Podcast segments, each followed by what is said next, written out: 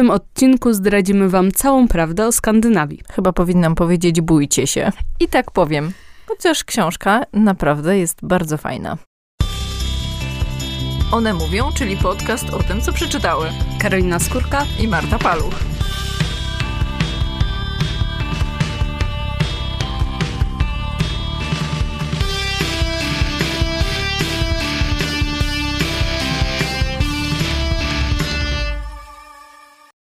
Dziś będziemy rozmawiać o książce, która jest reportażem, ale jest trochę inna. Bardzo mi się podoba jej tytuł i okładka. Okładkę zostawię Karolinie tradycyjnie, Dziękuję a ja bardzo. powiem o tym, że mnie się bardzo podoba tytuł. Dwunaste Nie myśl, że uciekniesz i to jest książka Filipa Springera. Chciałyśmy tutaj was bardzo zaskoczyć. Okładka jest piękna. Ale tym razem wybrałyśmy tą książkę nie dlatego, że okładka nas zachwyciła, e, tylko tutaj nas e, Philip Springer przyciągnął trochę, e, bo bardzo lubimy jego reportaże. Temat też wydawał się ciekawy, więc ta okładka już była tutaj tylko taką wisienką na torcie. E, Co ciekawe, m, tak naprawdę mamy so przed sobą teraz tylko połowę okładki, bo ta książka występuje w dwupaku e, z pierwszym wydaniem książki, o której w tej książce Philip Springer pisze. Trochę to zamieszane, ale y, książka, która w Skandynawii, właściwie w Danii i w innych krajach skandynawskich narobiła bardzo dużo szumu. Jej pierwsze wydanie, o dziwo, było w 1933 roku i ja to odkryłam ze zdziwieniem. E, książka nosi tytuł Uciekinier przecina swój ślad i napisał ją e, duński autor Axel Sandermose, tak się chyba czyta, bo my nie jesteśmy znawcami jednak tej kultury. E, I on przyjął później obywatelstwo norweskie, e, również z powodu tej książki. Opisał w książce Uciekinier przecina swój ślad e, historię życia Espena Arnake, e, który mm, popełnił mord i twierdzi, że jakby do tego zabójstwa popchnęło go życie i dzieciństwo w takiej małej miejscowości, która nazywała się Jante i w której ludzie żyli w, według takiego specyficznego kodeksu, który nazwał prawem Jante i y, twierdzi, że to mm, jakby ta społeczność i ta presja, to wszystko zaowocowało tym, że popełnił zbrodnię. I to jest książka, o której pisze y, Philip Springer. I tak naprawdę cały ten reportaż to taka próba y, odpowiedzi na pytanie, czy prawo Jante rzeczywiście funkcjonuje. Czy jest taka miejscowość jak Jante? Y, czy może ona jest wszędzie? I w ogóle o co chodzi z tą Skandynawią? Bo wszyscy mówią, że jest taka super szczęśliwa, a to prawo Jante i ta książka, która była pierwowzorem, jest bardzo depresyjna i bardzo smutna. Książka jest depresyjna, a oprócz tego cały czas tam wszyscy tym żyją i nawet jest hashtag fakiante. W ogóle nie sprawdziłyśmy tego, ale, ale sprawdzimy, podzielimy się naszymi wrażeniami w komentarzach. No ale pan Filip to sprawdził, więc... A, no tak, to, to, to spoko. Jeszcze słówko o konstrukcji tej książki, bo mnie się to bardzo podobało, bo to jest zupełnie coś innego niż y, reportaże takie standardowe, y, jeden, drugi, trzeci, czwarty, piąty, szósty rozdział. Tutaj są, powiedziałabym, że cztery takie powracające rozdziały. Mosty, podróż, ole i książka. E, I dochodzi moim zdaniem do takiego ciekawego złamania gatunku, nawet takiej no, transgresji, tak bym pięknie powiedziała, uczenie nawet. E, to znaczy, jeden z tych rozdziałów, e, zresztą Philip Springer tego nie ukrywa od samego początku, jest całkowicie wymyślony. A który to nie będziemy zdradzać, żeby była przyjemność z lektury. Jest całkowicie wymyślony na kanwie tego, co się działo w trakcie jego podróży do e, Jante nie wiadomo gdzie.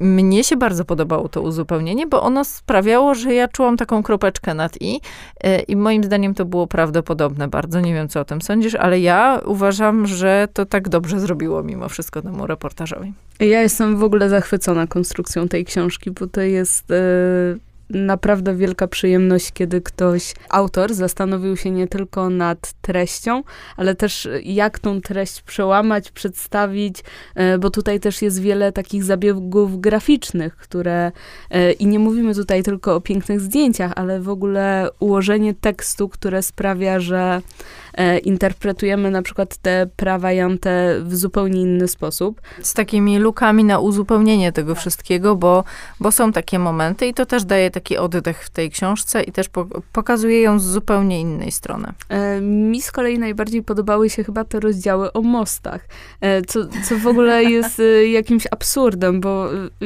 w momencie, kiedy zauważyłam, że w tej książce będą ciekawostki o mostach, to sobie tak myśl, pomyślałam, o Boże, naprawdę. I szybko zobaczyłam na tą książkę i okazuje się, że rzeczywiście to jest taki powtarzający się, powtarzający się fragment. E, a autorowi udało się znaleźć naprawdę super ciekawostki o mostach. I nawet jeśli Państwa mosty w Skandynawii w ogóle nie interesują, e, czy w Danii, to, e, to to są naprawdę ciekawe rozdziały.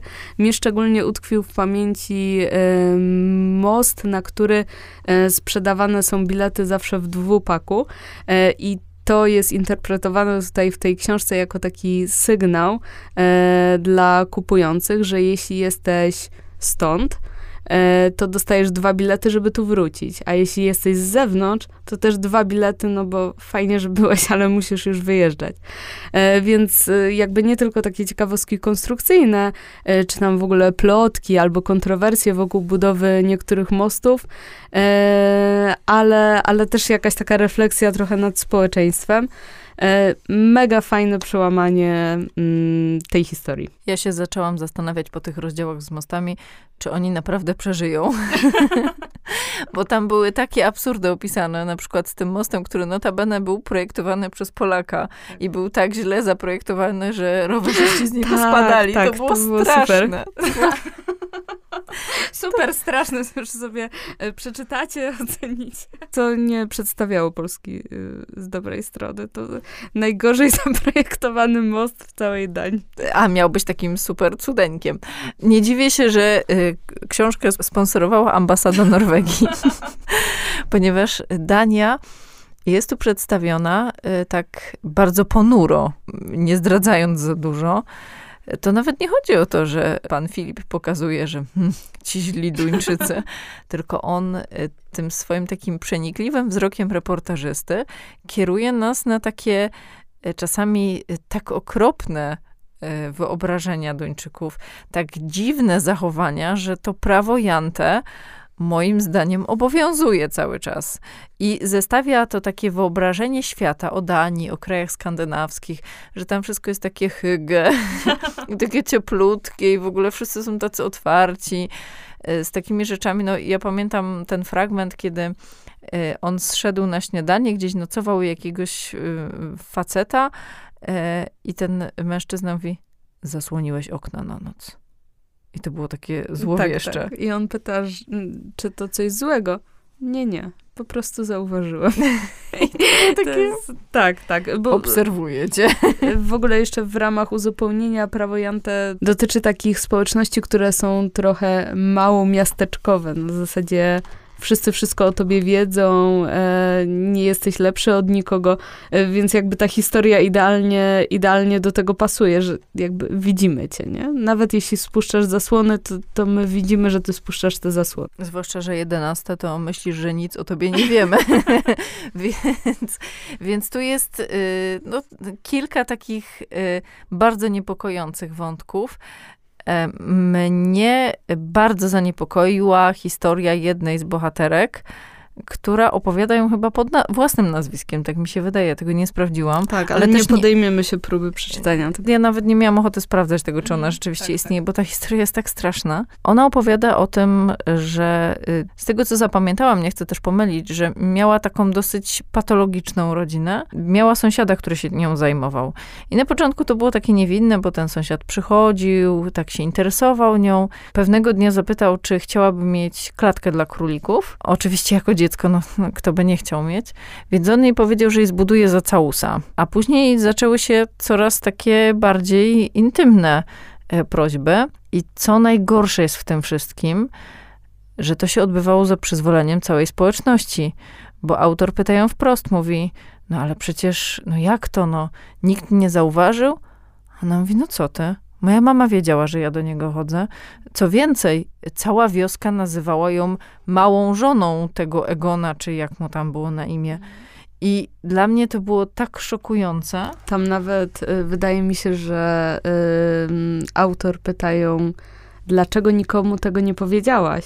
I ona wtedy reaguje, że przecież wszyscy wiedzieli, że w takiej małej społeczności nie da się ukryć takiej, y, takiej sprawy. No i stąd też to ten przerażający pseudonim. Ten jej oprawca nadal żyje w tej wiosce, a ona ją musiała ze wstydem opuścić. Znaczy, inna sprawa jest taka, że ona już tam nie chciała mieszkać i też czuła taką, taką potrzebę ucieczki stamtąd, ale jemu się nic nie stało. Wszyscy przeszli nad tym do porządku dziennego też jakby ta obraza majestatu, czyli to, że y, cała wioska się na nią obraziła, wynikało z tego, że ona nagłośniła tą sprawę. I to jakoś zupełnie, zupełnie przez przypadek. Ona opowiadała swojej terapeutce, potem ta terapeutka podała to na wykładzie, zainteresowały się media, więc nawet to nie było jej celowe, e, celowe działanie, ale właśnie cała społeczność w tym momencie postanowiła zareagować, tak? I w tym momencie postanowili się obruszyć, e, że właśnie ta sprawa została nagłośniona i przed przedstawiona jako e, dziwna, okropna i jako przemoc. E, no i, ale to jest w ogóle najgorsza historia w tej książce, więc e, to, to nie jest tak, żebyście się teraz zniechęcili, że, e, że to są same takie bardzo mroczne opowieści. E, książka oczywiście nie jest wesoła i nie jest to taki obraz Danii, jakiego się spodziewamy i jaki znamy z mediów i o tym też zaraz powiemy. E, ale nie są to też historie takiego kalibru, jak e, opowiedziałyśmy przed chwilą. To była taka najmocniejsza, rzeczywiście to był taki punkt, ale no, zestawia Philip Springer w tej swojej książce taki obraz cukierkowy Danii E, z tym, co y, wynika z prawa Janta i pytano, gdzie jest ta Dania. E, może tak, żeby jest rozdział, który mi się strasznie podoba. E, to jest kolejna rzecz, nazywa się Podróż i tutaj są zestawione takie fragmenty, wycinki z gazet i zaczyna się tak. Dania najlepszym krajem do życia dla kobiet. I leci sobie cytat dalej. Dania wypada najlepiej ze wszystkich przebadanych krajów pod względem równowagi między pracą a życiem prywatnym.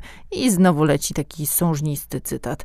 Dania drugim najszczęśliwszym krajem na świecie. To kolejny. Według badań opublikowanych w tam specjalnym piśmie dla pediatrów, duńskie dzieci płaczą najmniej ze wszystkich na świecie. Kopenhaga wśród najmniej stresogennych stolic Europy to kolejny wycinek. I na przykład to, że Dania jest liderem we wspieraniu rozwoju na świecie i że tak wspiera tą ideę redystrybucji bogactwa.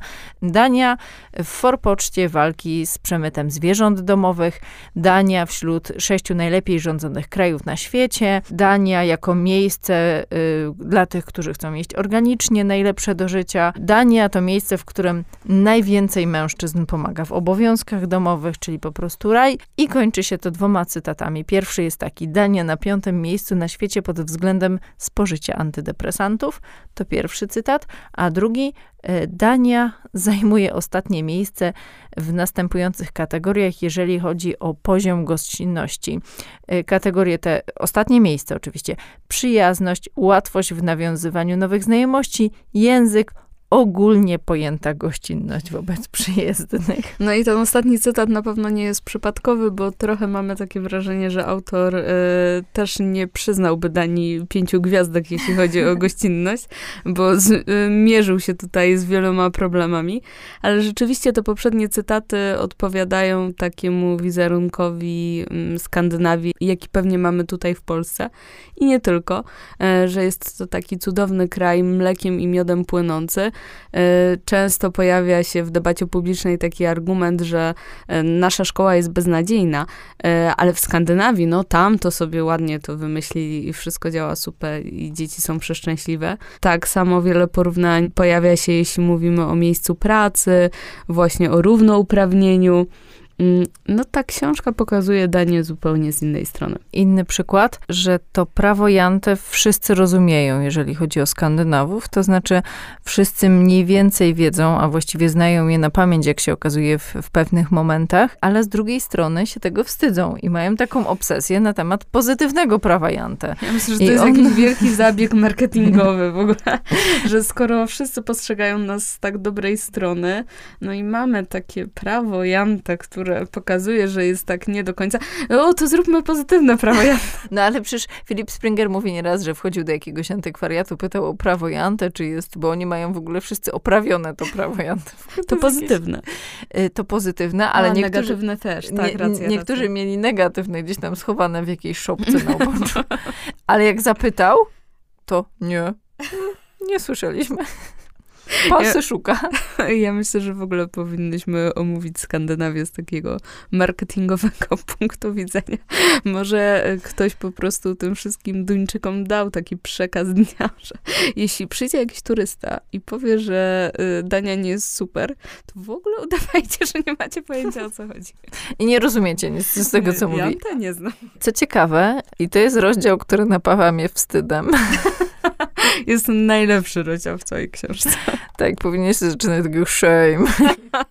To jest rozdział, który uświadomił mi, że pewne mankamenty świata dziennikarskiego, z którymi ja się nie zgadzam, i od razu mówię, i, I, nie mogę się zgodzić, bo to by był jakiś kosmos. Dotyczą w ogóle każdej szerokości geograficznej. Tutaj jest taki y, próba takiego zrozumienia, czym jest prawo Jante i jego fenomenu. Zaczyna się ten rozdział od tego, jak y, się wymawia w poszczególnych krajach, że du, jak mówią Duńczycy i Norwegowie o Jante, Szwedzi, Farerzy, Islandczycy, Finowie i że wszyscy znają to pojęcie. I właściwie w, w każdej tej nacji y, takie pojęcie istnieje. A potem przywołuje literaturę. Najczęściej to jest literatura anglosaska. Jest na przykład Życie po duńsku, Rok w najszczęśliwszym kraju na świecie. Ellen Russell, Nancy Haas z New York Timesa też przy, przywołuje prawo Jante w swoim, w swoim artykule.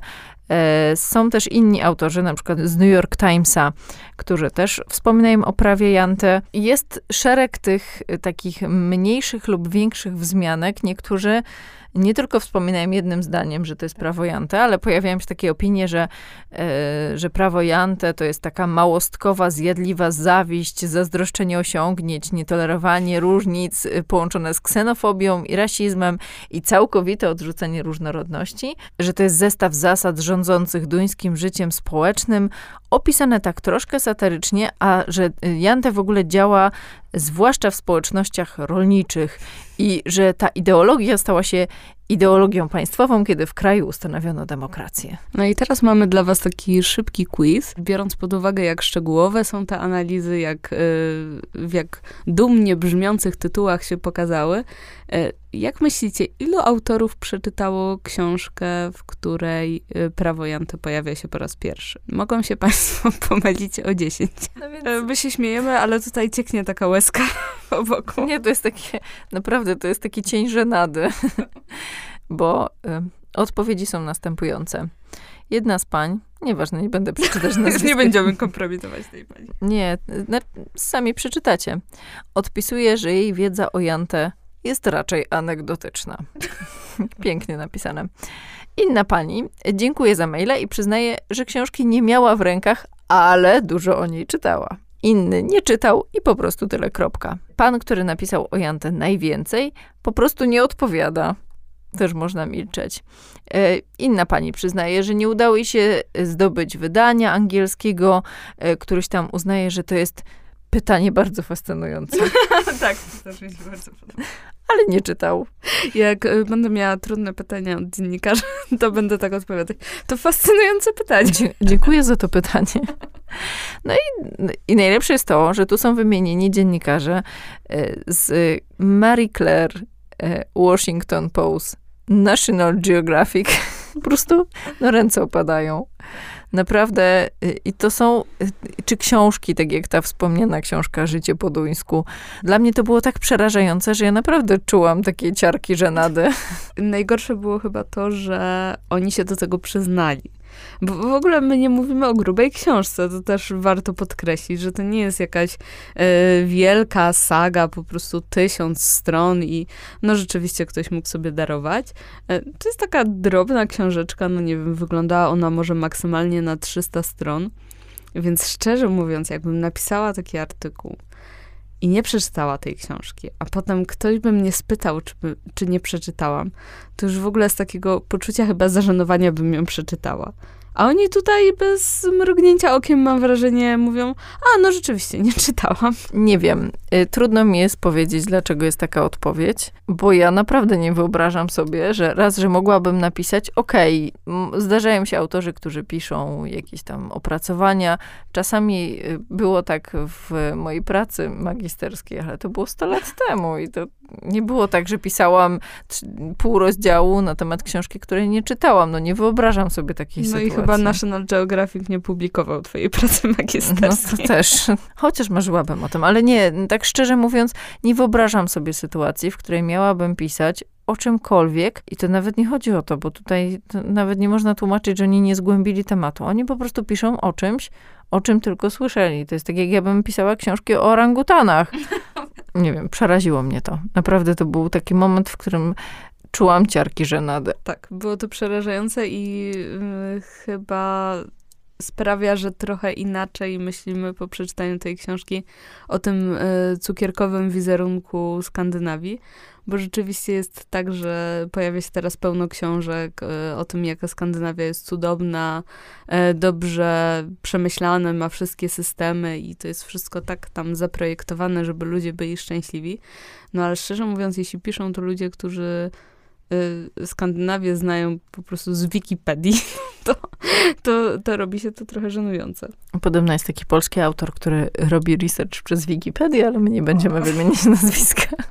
Dołączy do y, bardzo zacnego grona autorów naprawdę najpoczytniejszych dzienników i tygodników i miesięczników świata. Jest taki y, cytat z mojego ulubionego serialu The Office, y, kiedy szef, który jest tam przekomiczny, Y, mówi o tym, że Wikipedia jest najlepszym źródłem informacji na świecie, ponieważ każdy może napisać to, co chce, więc ty wiesz, że dostajesz najlepszą informację. I mam wrażenie, że y, ta serialowa postać była inspiracją dla wielu tych dziennikarzy. Przepraszamy, to, ten, ten podcast to nie jest taki kącik satyryczny o y, dziennikarstwie. Zdecydowanie nie. Dlaczego warto przeczytać tę książkę? E, bo e, mnie się od razu przypomniało dyskusja o takim polskim kołtuństwie. Można to zderzyć z duńskim prawem Jante i z duńską taką, z takim dążeniem do tego, żeby się nie wyróżniać za bardzo. Że tam wszystko jest takie takie jak być powinno, ani za duże, ani za małe. Y, każdy ma ciasny, ale własny domek. Y, nie za bardzo się stara ukrywać ze swoim życiem, bo przecież no, jakby coś tam ukrywał, to by wszyscy zaraz plotkowali, co tam się dzieje za tymi zasłoniami, więc lepiej ich nie zasłaniać. To jest takie ożywcze spojrzenie na, myślę, że też na nasze społeczeństwo. Bardzo ciekawa perspektywa, bo ta y, wielkomiejska Dania, nawet nie wiem czy wielkomiejska, ale taka światowa, taka wyznaczająca trendy, y, okazuje się trochę takim zaściankiem w wielu, wielu kategoriach. Mm, I naprawdę mm, bardzo ciekawe spojrzenie, oryginalne. Y, a jeśli Dania was w ogóle nie interesuje i przemiany w społeczeństwach też nie, y, to i tak kupcie tą książkę, bo mm, cała jej forma jest tak ciekawa, że na pewno warto do niej zajrzeć i trochę poczytać. Dwunaste, nie myśl, że uciekniesz. To jest książka, którą polecamy w tym tygodniu. Y, na zimowe wieczory, jakby ktoś chciał jechać do Danii i wyobrażał sobie, że tam jest zdecydowanie lepiej niż u nas. Ale dobrze, że o tym powiedziałaś, bo to jest rzeczywiście idealna książka na jesień, bo mm, w wielu y, wspomnieniach i relacjach pojawia się informacja, że jest ciemno. I rzeczywiście, jeśli będziecie czytać po pracy, to, e, to poczujecie ten klimat, nawet siedząc sobie e, tutaj, tutaj w Polsce. My książkę bardzo serdecznie polecamy i mamy jeszcze w zanadrzu kilka dobrych książek do polecenia, więc serdecznie zachęcamy do słuchania, do subskrybowania naszego kanału. A my słyszymy się już w następny wtorek o godzinie 20. Można nas na przykład słuchać na Spotify'u lub Ankorze.